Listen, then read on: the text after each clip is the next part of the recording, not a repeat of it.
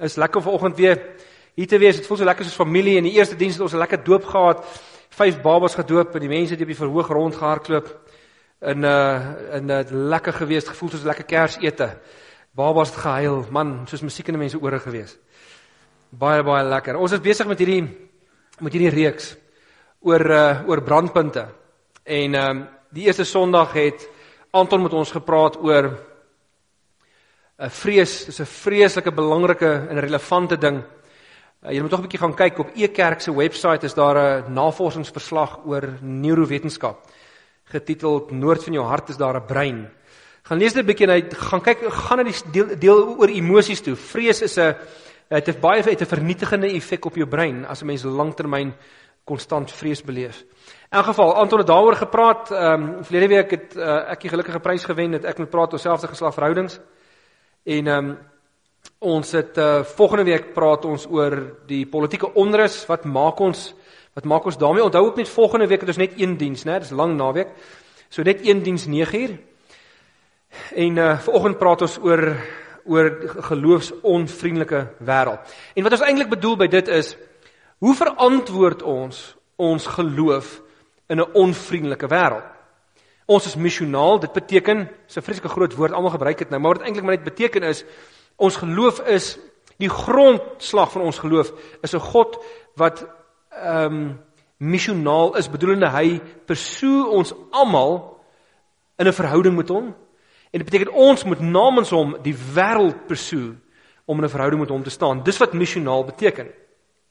Maar hoe meer geloofsonvriendelike wêreld raak, hoe beter moet jy jouself verantwoord. Hoe beter moet jy verduidelik waarom jy glo wat ek wat jy glo. Maar kom ek begin miskien by die begin. Uh kom ek begin met die volgende vraag. Dink gou 'n bietjie saam my. Wat het die verenig die vereniging van voorstedelike Afrikaanse ateëste, die nuwe hervormingsnetwerk, Renaissance gemeente, Sentrum vir eie tyd se spiritualiteit, Atheist Movement of South Africa en die Free Society Institute in gemeen? Die een ding wat hulle in gemeen het is nie een van hierdie organisasies het bestaan voor 2002 nie. Anderswoorde, dit is betreklik nuwe organisasies. Die tweede ding wat hulle in gemeen het is dat almal van hulle in een of ander vorm verteenwoordig 'n wegbreek van tradisionele geloof af uh na agnostisisme toe of ateïsme of een of ander vorm van ander godsdiens of ander geloof. Met ander woorde nie Christelike forme van van wêreldbeskouing. Dit is 'n dit is 'n relatief onlangse tendens in ons land. In in die wêreld waar ek baie keer beweeg waar ons met skeptiese mense werk, voel dit vir my asof daar 'n eksodus uit geloof uit is besig om plaas te vind. Ehm um, baie gemeentes sukkel, hulle verloor mense. Ehm um, uh, dit is lekker om in 'n gemeente te wees soos Oosterlig waar daar lewe is en waar die mense die leierskap die Here dien en en waar ons regtig vooruit gaan met baie mense sukkel geweldig met hierdie ding. Ek wil net so net so 'n slide saamgebring met met drie Drie, drie drie Afrikaanse boeke, daar's baie baie meer van hulle natuurlik. Maar die ene heel links het in 2011 verskyn, se naam is Hier staan ek, soos julle kan sien. Uh dit is 'n boek waarin 24 Afrikaanse mense, meeste van hulle hier in Pretoria, eh, eh, reg oor die land, baie van hulle hier in Pretoria, hulle getuienisse gee oor hoe hulle hulle geloof verloor het. Hoe hulle nie meer glo nie. Vyf van daai 24 is predikante. Hulle het nie hulle name daar gegee nie. Hulle noem hulle self predikant A, B, C, D en E. Want hulle staan nog vandag op ons kansels. En hulle preek heeltemal sonder persoonlike geloof. Ehm um, en ek onthou toe hy 'n exclusive books uh, uitgekom het, ek ek wou ek kan nie wag om die boek te lees nie en ek het uh, nog voor hy uitgekom het, het ek hom vooruit bestel by exclusive. En toe hulle daar kom, toe sê hulle vir my man, die eerste batch is klaar vooruit bestel. Daar's nie meer oor nie, maar die tweede batch is nog daar. Hulle sal vir my nou 'n tweede batch begin en dan sal hulle vir my een van die boeke hou. En die dag toe ek nou daar aankom om die boek te kom optel, toe dink ek ek moet sommer vir my vriend nog een koop uit die nuwe voorraad wat hulle nou het en hulle en toe vra ek vir hulle waar is die nuwe voorraad? Hulle sê nee, dis ook uitverkoop. En toe sê toe bestel ek nog een. En toe ek daar kom te besluit ek ek gaan 'n derde een ook koop en toe vra ek hulle waar is die derde een? Toe sê hulle nee, daai voorraad is ook weer uitverkoop. So Afrikaanse mense lees hierdie boeke verslind hulle geweldig. En ehm um, dit is 'n uh, dit is 'n 'n tendens wat ons van moet kennis neem in ons wêreld, anders gaan ons ons missionaliteit verloor. Ons gaan ons vermoë verloor om ons geloof oor te dra aan 'n aan 'n ander wêreld. Die tweede boek wat jy laat kry, gaan ek nie baie oor sê nie. Fritz Gaum het hom geredigeer saam met George Claassen. Fritz Gaum natuurlik 'n gelowige. Uh, uh George Claassen is 'n baie bekende ateïs eintlik in Suid-Afrika. Hulle het al twee het hulle onderhoude gehad met verskillende mense.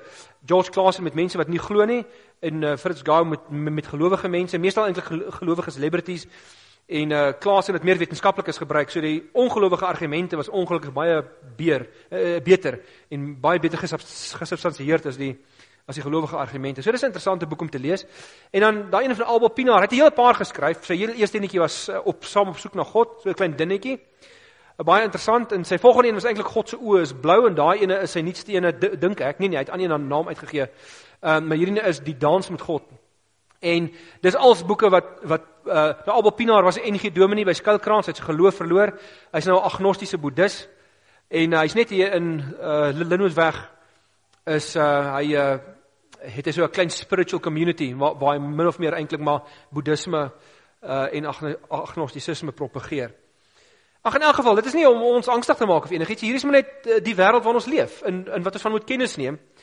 En uh, Piet Kroukamp skryf byvoorbeeld in hy middelste boek gee hy ook sy opinie, maar hy sê hy sê daarin onder andere die volgende. Hy sê die oomblik toe ek die eerste keer na myself as 'n ateïs verwys het, het God en godediens 'n primitiewe verskynsel geword waarop ek neersien.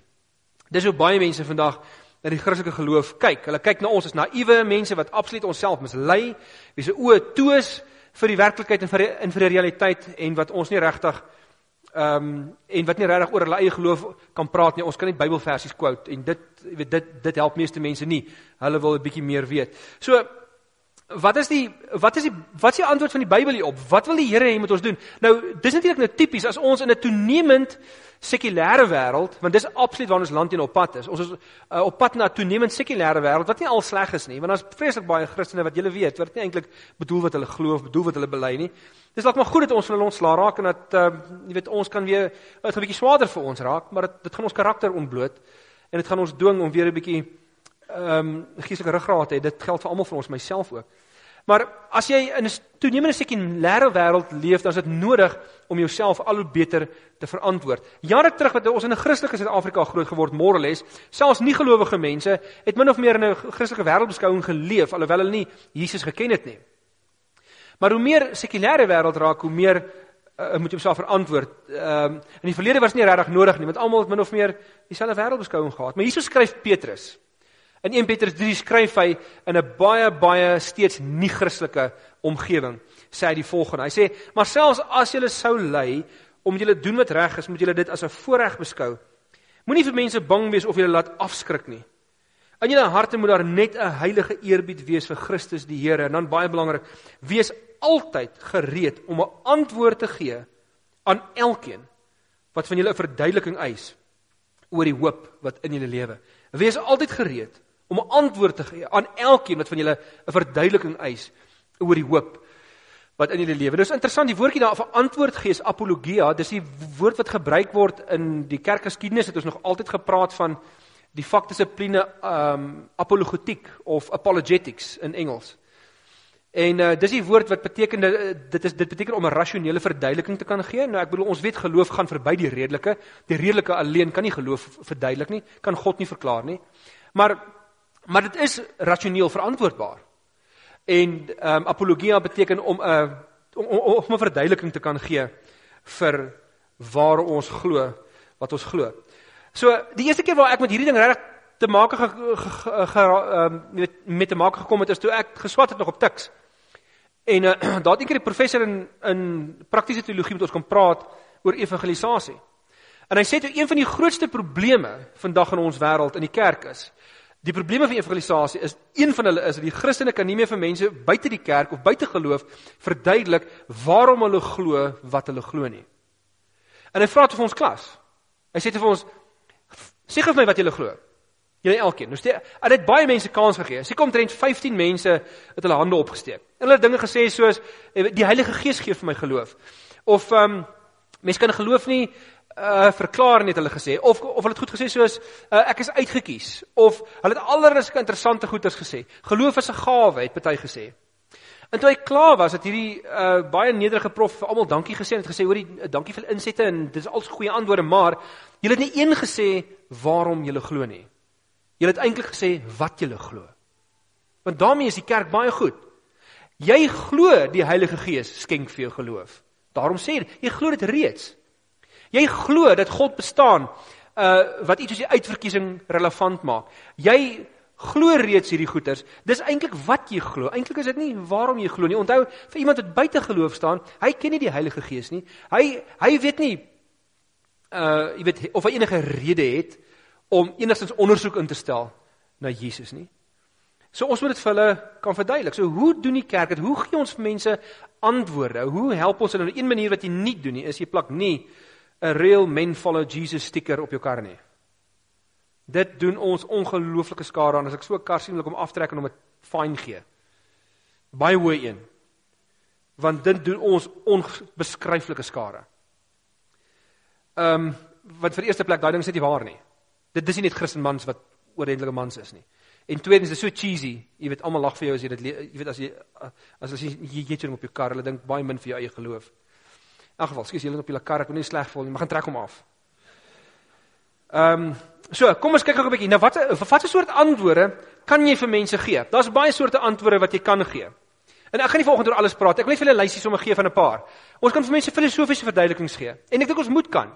Ehm um, dis belangrik. Nie almal van ons swat hierdie goed nie en wil daarvan weet nie, maar ehm um, ek sê altyd is 'n predikant se die, die swak ding van ons opleiding, een van die swakpunte is dat ons nie 'n bietjie filosofie ook het nie. Ehm um, dis baie belangrik. Historiese verduidelikings. Ek persoonlik glo grootendeels as gevolg van historiese verduidelikings. Daar's wetenskaplike verduidelikings, antropologiese verduidelikings, sosiologiese en sielkundige verduidelikings. Ons kan daar's soveel van hierdie mense in hierdie vakgebiede wat vir ons ongelooflike sin maak van hoe jy van hulle vakgebied af die stappies kan vat na Christus toe en die stappies kan vat na geloof toe. So dis 'n wonderlike goeters daai. Maar die een wat ek volgende bietjie wil stil staan is die laaste ene.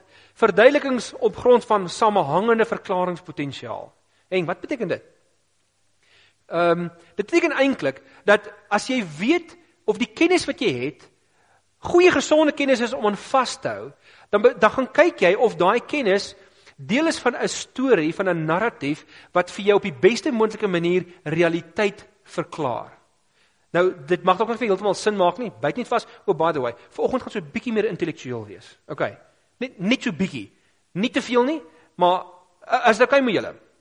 Alraai. As dit nie okay is nie, weet ek weet ek nie wat gaan ek doen nie, want dan dan kan ons huis toe gaan. So ehm um, net so 'n bietjie, ons moet ook 'n bietjie ons gedagtes so 'n bietjie stretch, want dit is deel van geloof. Ons moet ook die Here lief hê met ons verstand en nie net met ons hart en met ons siel nie. Alraai. So vanoggend is 'n bietjie verstandtyd. So ons praat oor die laaste gedeelte so 'n bietjie. Ehm um, julle sien dan die hakkie staan daar IBE. Ek wil vanoggend 'n bietjie daaroor praat. IBE staan vir inference to the best explanation. Met ander woorde, watter watter storie, watter filosofie, watter manier van dink, watter wêreldbeskouing gee die beste verklaring vir hoe realiteit werk? En ek gaan vanoggend daar vanuit daar uit so 'n bietjie gesels. OK. So kom ek sê vir julle hoekom ek glo. Nou ek glo om al, al daai redes wat ek vir julle gewys het, is als redes hoekom ek dink ek glo. En ek het 17 redes saamgestel, soms vir my dogter wat my gevra het oor hoekom ek glo. Ek gaan vanoggend net hierdie een hanteer. Ek glo onder andere omdat die verhaal van Jesus ons voorsien van die beste verduideliking vir die bestaan en die aard van liefde.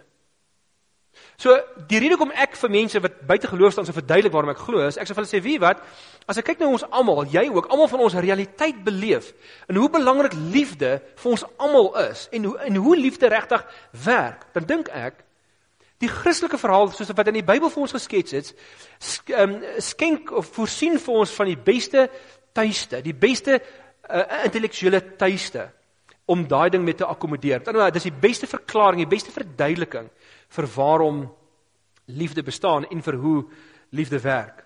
En dit sluit natuurlik genade in, iets soos liefde en en genade spesifiek. So kom ons kyk gou 'n bietjie. Kom ek begin verduidelik wat ek bedoel daarmee. Kom ons kyk net vir so rukkie na die uniekheid van liefde vir 'n paar oomblikke. Ek weet nie of julle dit besef nie, maar vanuit 'n filosofiese hoek is liefde 'n verskriklike tammeletjie. Mense weet nie altyd wat om te maak daarmee nie. Hulle weet nie altyd wat om te dink daarvan nie. En want elke generasie deur die eeue heen het liefde nog altyd gevier. Die die uh, digters van die tyd, die liedjieskrywers, die mense in samelewing, elke generasie vier liefde. Jy kan luister na Roxette of Disturbed of Simon and Garfunkel of Katy Perry of wie ook al. Mense celebrate liefde wanneer hulle sing. Ons kan liefde lyk like my net nie ontsnap nie. En dit snaaks, selfs al maak liefde ons baie keer seer. En selfs al het ons soveel keer 'n gebrek aan liefde in breek verhoudings en dinge werk nie lekker uit nie, ten spyte van dit alles kan ons liefde eenvoudig nie ontsnap nie. Sommige net baie vinnig. 'n Tweede idee. Liefde is universeel inspirerend. Almal van ons hou van stories waar mense hulle self liefdevol opoffer ter midde van hulle medemens. Julle sal onthou die laaste paar maande het ons leraars baie gepraat oor die fliek uh, Hacksaw Ridge waar uh, Desmond Doss in die Tweede Wêreldoorlog 75 mense se lewens gered het ehm uh, daar daar op daai rif. En dit en daai stories inspireer ons. Hoekom is dit so? Hoekom inspireer hierdie ehm um, hierdie stories van omgee en liefde 'n mense so selfs mense wat glad nie reg kry nie van die mees selfsugtige mense word geïnspireer deur stories van opoffering en van en van liefde en daar's iets in elkeen wat sê ek wens ek kon so wees. Waarom is dit so? Ehm um, ons is word geïnspireer deur mense soos Gandhi en Martin Luther King en mense wat hulle self opgee. Die derde een, liefde affekteer in 'n groot mate ons lewensgeluk. Dink gou 'n bietjie hieroor. Wanneer is jy op jou gelukkigste? Wanneer jy oorvloed liefde ervaar, wanneer jy 'n goeie verhouding met jou kinders staan of met jou pa en ma of met jou man of met jou vrou. So wanneer ons liefde het, is ons op ons gelukkigste. Wanneer ons liefde verloor, is ons op ons ongelukkigste. Wanneer 'n verhouding tussen 'n pa en 'n dogter gebreek word, of daar kom skade in of daar of of, of daar sluip konflik in, dan is ons op ons ongelukkigste en ons geluk hang in 'n groot mate as mense af van en hoe mate ons daai verhouding kan herstel. En dan 'n baie interessante ding van liefde. Liefde is beskikbaar in onbeperkte kwantiteite. Dan word 'n onbe, onbeperkte hoeveelhede. Wat bedoel ek presies daarbey? Dink gaan oor, die van julle wat wat kinders het of ook al. Toe ek toe ek en Marie getroud is en ons verwag 4 jaar later vir Ruben, ehm um, ek ek het Marie liefgehad daai stadium met, met alles wat ek tot my beskikking gehad het. En toe ons Ruben begin verwag het, ons oudste, het ek nooit getwyfel of ek het nooit gedink, ek moet sê ek het 'n bietjie gewonder, ek is Marie so geweldig lief, hoe gaan ek dit reg kry om vir nog 'n wese so lief te wees soos wat ek vir haar is? En ehm um, maar toe Ruben gebore is, weet julle wat 'n amazing ding? Weet julle wat is nie vir my nodig nie. Dit was nie vir my nodig om my liefde wat ek vir Marie het te vat en te deel. Okay, nou moet ek dit verdeel met 50% en uh, jy weet Marie kan 50% oorhou en ek gee die ander 50% vir Ruben. Julle weet dis nie waar nie. Want eweskielik toe ek toe toe Ruben gebore is, eh, het ek gevoelens beleef en emosies beleef van liefde wat ek nie gedink het bestaan nie en vir Marie was ek liewer as wat ek voorheen was. En toe Jessica gebore is, het ek nie, jy weet, my, liefde opgedeel in in 3/3 nie, en vir elkeen 'n gelyke hoeveelheid gegee nie.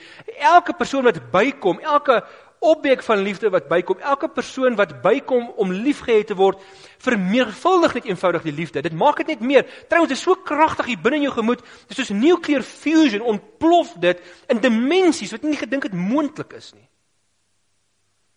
Waar kom dit vandaan? En meeste mense is nie maar net tevrede daarmee om te sê, "Oh well, dis maar net chemikalie in jou brein." Dis net deel van biologie. Meeste filosowe, ook vir die is ook sekulêre mense is net nie tevrede daarmee nie. Liefde is te kragtig, dis te groot. Dit is te, dis net te veel.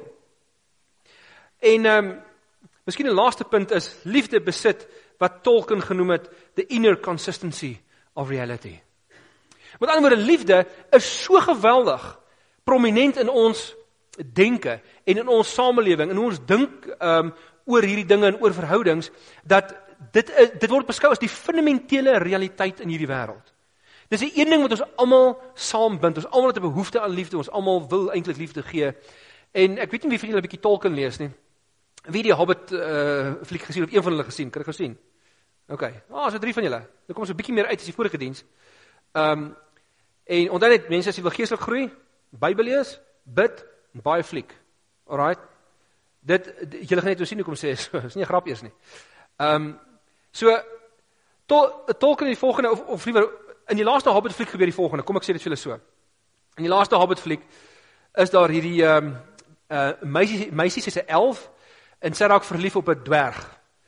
En ehm um, daar's 'n hierdie romanse so deur die loop van hierdie fliek en so en aan die einde van die fliek sterf die, die dwerg. En sy sit aan die einde van die fliek sit sy by sy lijk uh, en sy huil en sy is hartseer en sy sê why does it hurt so much? Why does it hurt so much? En dan sê sy if this is love, why does it hurt so much? En een van haar mede elfs kom na toe en hy sê vir haar because it was real. Because it was real. Liefde veroorsaak die gebrek aan liefde veroorsaak vir ons soveel pyn omdat liefde 'n fundamentele realiteit is. Dis iets wat dis dis die belangrikste fondament of bou boublok van die lewe. En selfs in die besigheidswêreld begin mense al vir jare al praat oor EQ en ons jy kan nie besigheid doen sonder verhoudings nie. En sonder die die liefdesding is net te belangrik. Nou okay, so kom ons dink gou net bietjie voor ons in die Bybel toe gaan. Watse ander verklaringe uh, moontlikhede is daar vir hierdie ding wat ons liefde noem? En weer eens mense vra hierdie vrae, skrywers skryf hieroor, filosowe dink hieroor, waar kom liefde vandaan en wat is die significance van liefde? Nou daar's moontlike alternatiewe.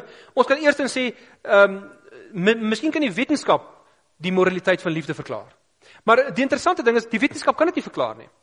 Maar die wetenskap wel kan verklaar is om vir ons te sê dat ons liefde is baie belangrik beskou. Hulle kan 'n empiriese studie doen in hierdie gemeente of in Johannesburg of in Pretoria of waar ook al in 'n in dit in dit word gedoen waar hulle sê liefde is fundamenteel belangrik vir ons alles. Dit kan hulle navors. Maar wat hulle nie kan bepaal wetenskaplik nie is dat liefde 'n belangrike morele waarde behoort te wees. Met ander woorde dat ons mekaar moet lief hê. Dat dit 'n goeie ding is. Almal glo dit is so. Maar mos kan dit bewys nie. En ons kan byvoorbeeld nie bewys dat dit wat in die apartheidsjare aan mense gedoen is in onreg, dat dit regtig verkeerd is nie. Ons weet dit is verkeerd. Of meeste van ons dink so. Maar jy kan dit nie wetenskaplik bewys nie. Ons kan nie bewys dat dit wat die uh nasies aan die Jode gedoen het in die Tweede Wêreldoorlog verkeerd is nie. Jy kan bewys dat dit al plaasgevind het. Daar is natuurlik die Holocaust deniers. Jy weet dit op op op Mars bly. Maar jy kan dit nie wetenskaplik bewys nie dat dit so moet wees nie. So dit dit kan nie die moraliteit van liefde bewys nie. Die volgende ding is die die sosiologie van evolusie. Party mense sê nie maar dis eintlik maklik. Dis chemikaal in jou brein soos ek nou nou gesê het. Dit is van wie wat evolusie kies altyd om um, die dinge wat die menslike spesies die beste vooruit kan neem. En liefde is een van daai dinge. Ons liefde nodig om goeie kinders groot te maak, om as 'n groep mense bymekaar te kom as Afrikaner groep, jy weet, en so aan. Ons het liefde nodig en daarom daarom bring evolusie dit na vore. Maar hier is die probleem daarmee.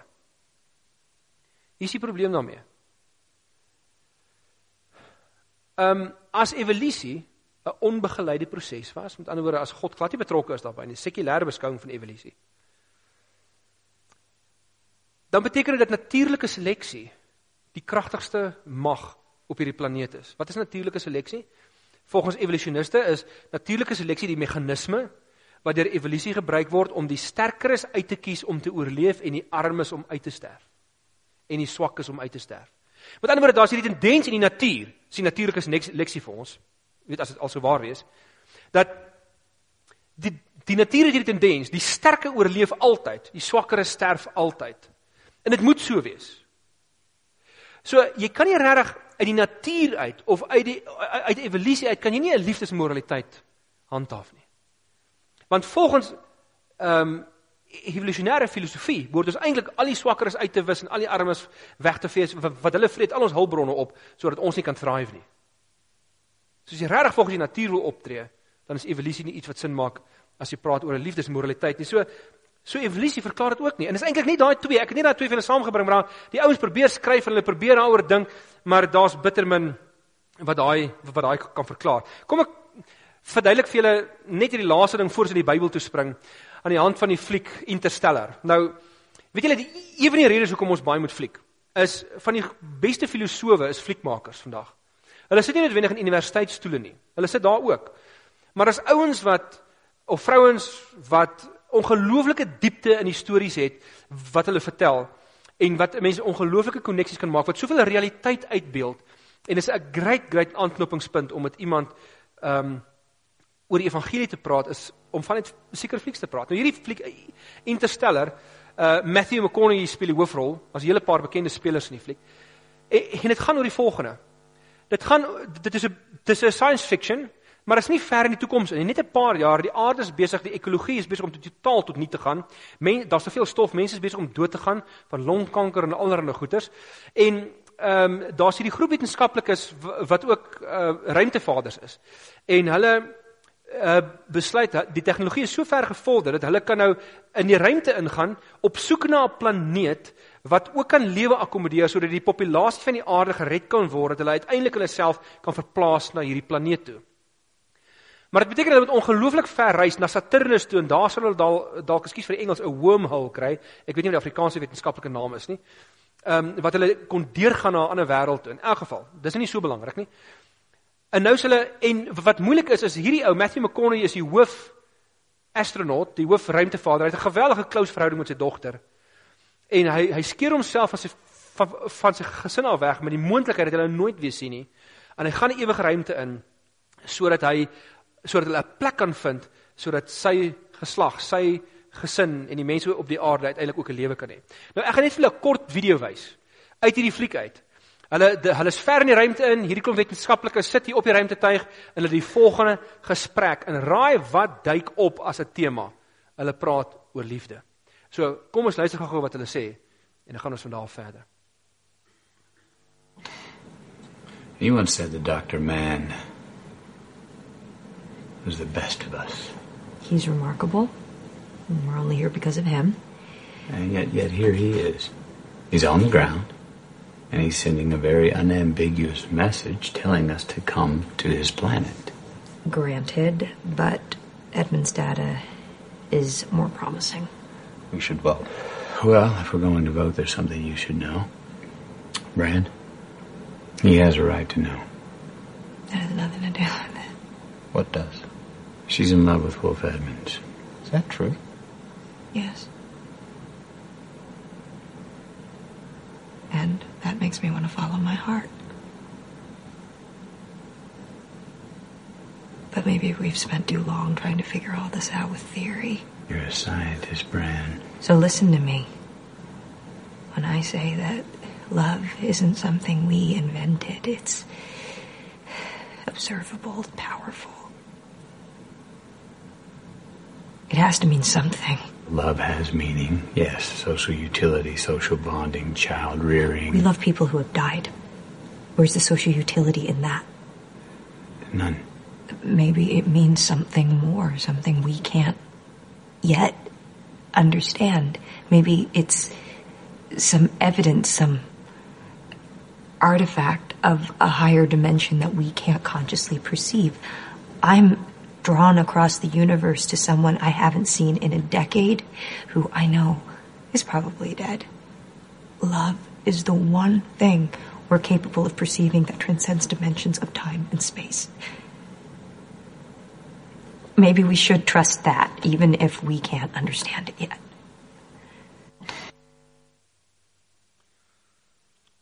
As jy nou nie flieker en mis jy mooi oomblikke soos hierdie. Hoor bietjie wat sê sy. Christopher Nolan is nie 'n Christen nie.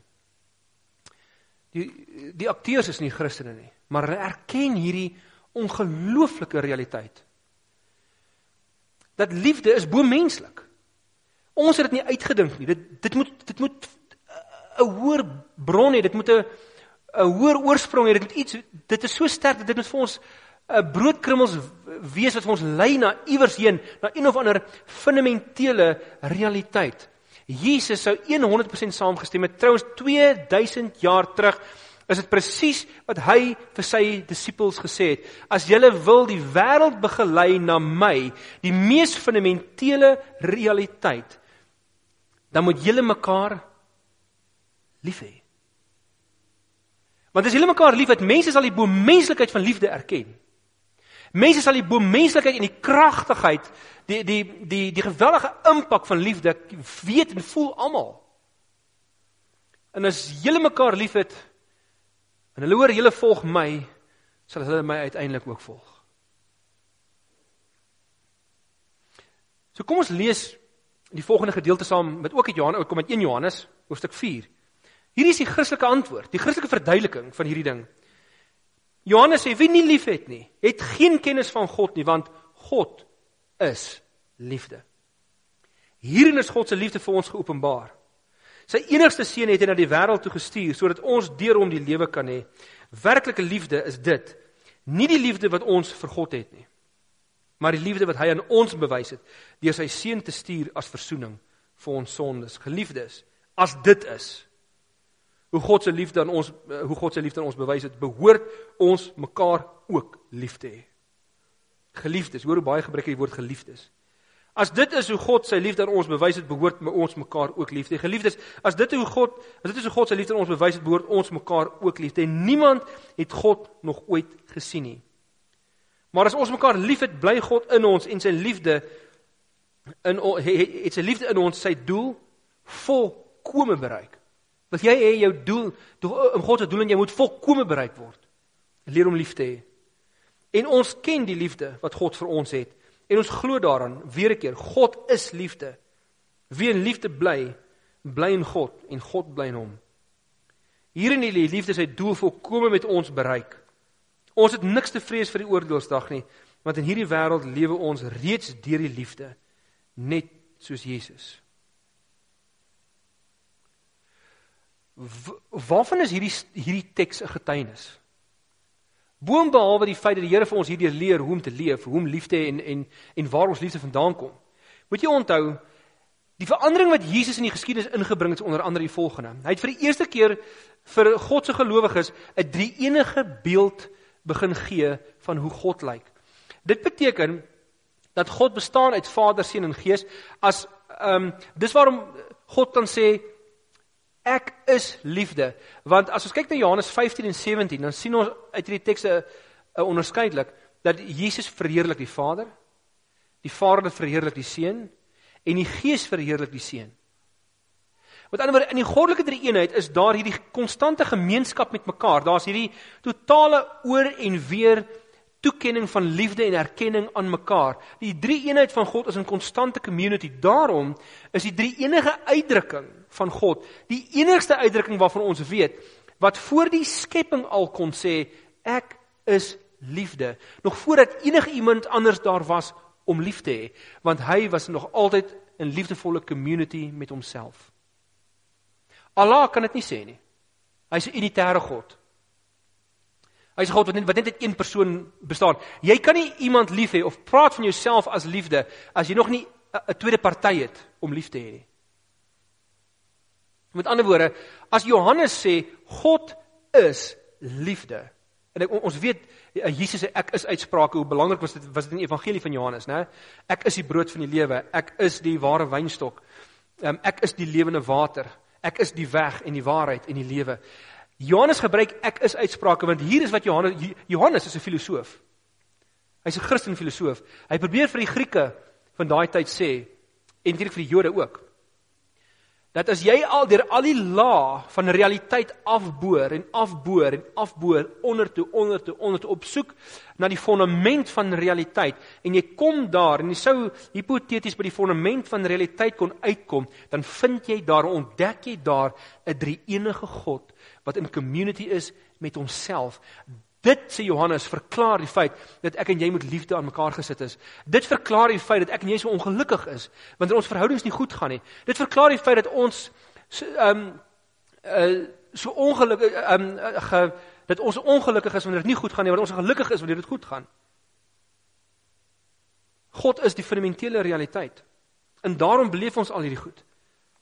Ehm um, liefde in die antieke tyd Die antieke tyd en liefde. Net 'n baie vinnige interessante opmerking. Ek weet nie of julle dit weet nie, maar voor die tyd van Christus was liefde in die antieke tyd nie 'n groot nie baie hoë prioriteit nie.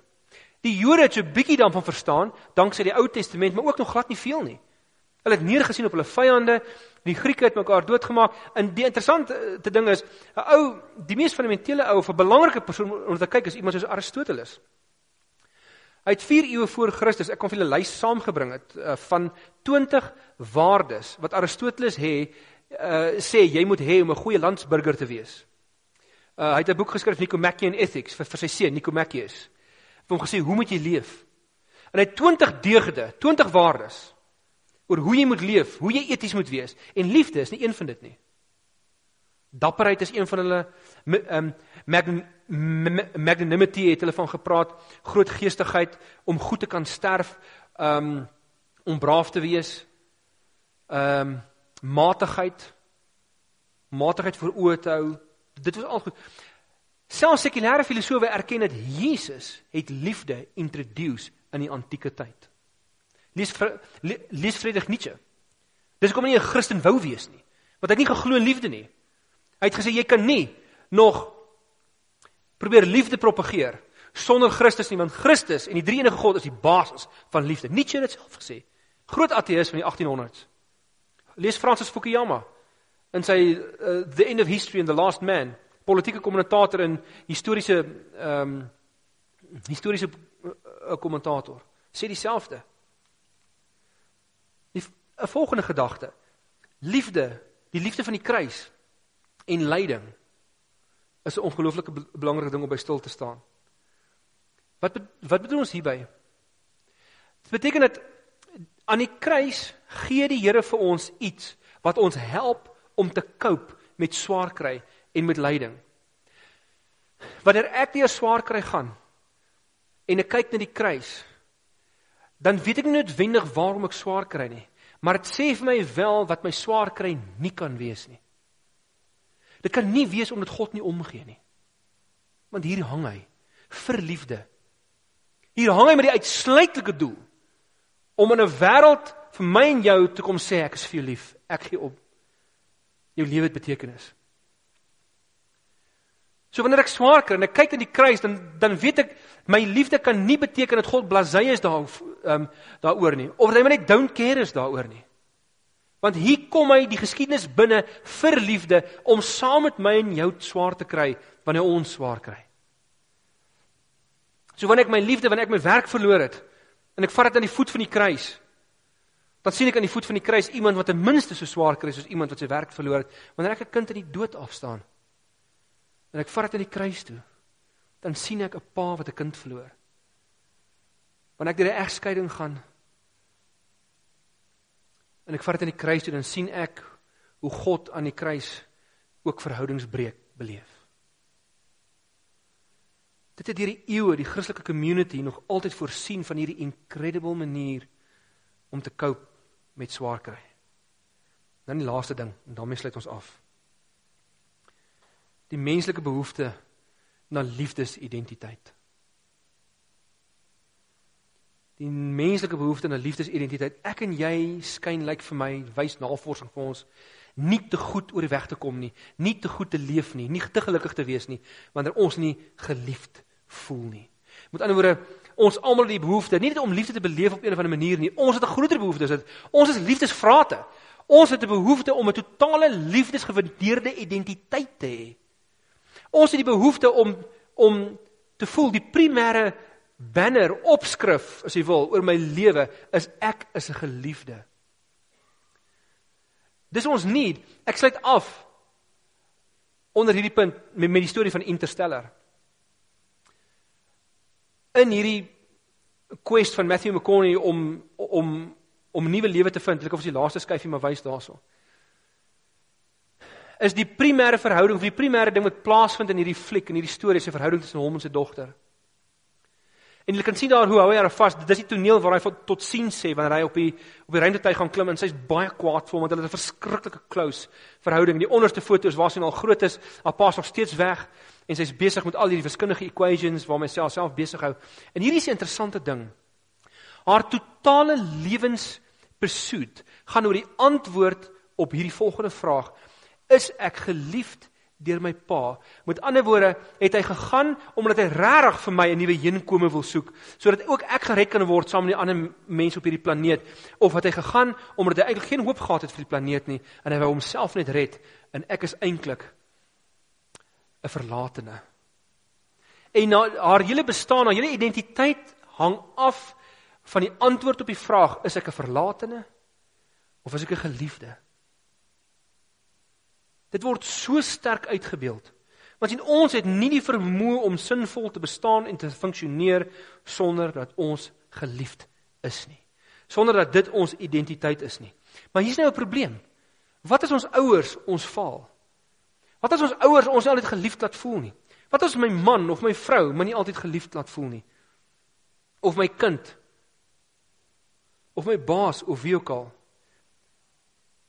Dan kom die evangelie en slaan ons tussen die oë. Dan kom God in Jesus en sê vir, vir ons, dit maak nie saak wie wat sê vir jou nie.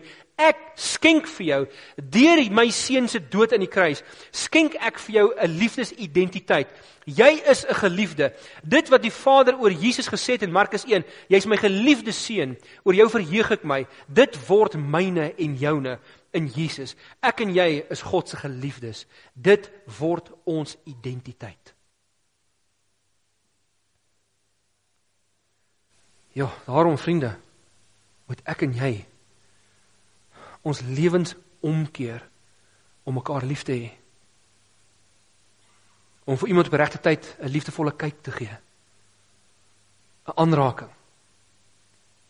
'n Liefdevolle woord. Die lewe is hard genoeg.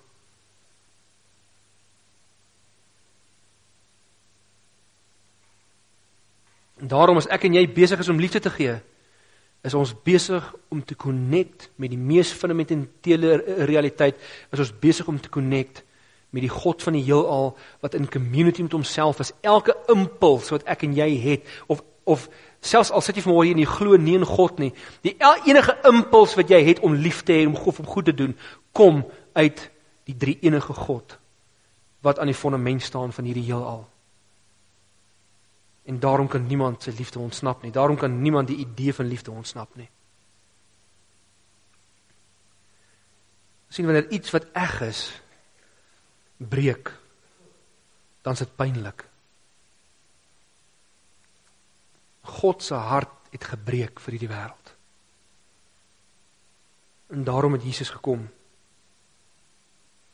En daarom kan ons sing this we believe. Daar daarom kan ons sing Here ek glo. Da, daarom glo ek eerlikwaar in God in Jesus. In die opgestane Christus. Hoekom? Want hoe anders verklaar jy hierdie incredible amazing kosmiese ding wat ons liefde noem wat filosofe vandag nog hulle koppe oorkrap en wat niemand kan verstaan nie.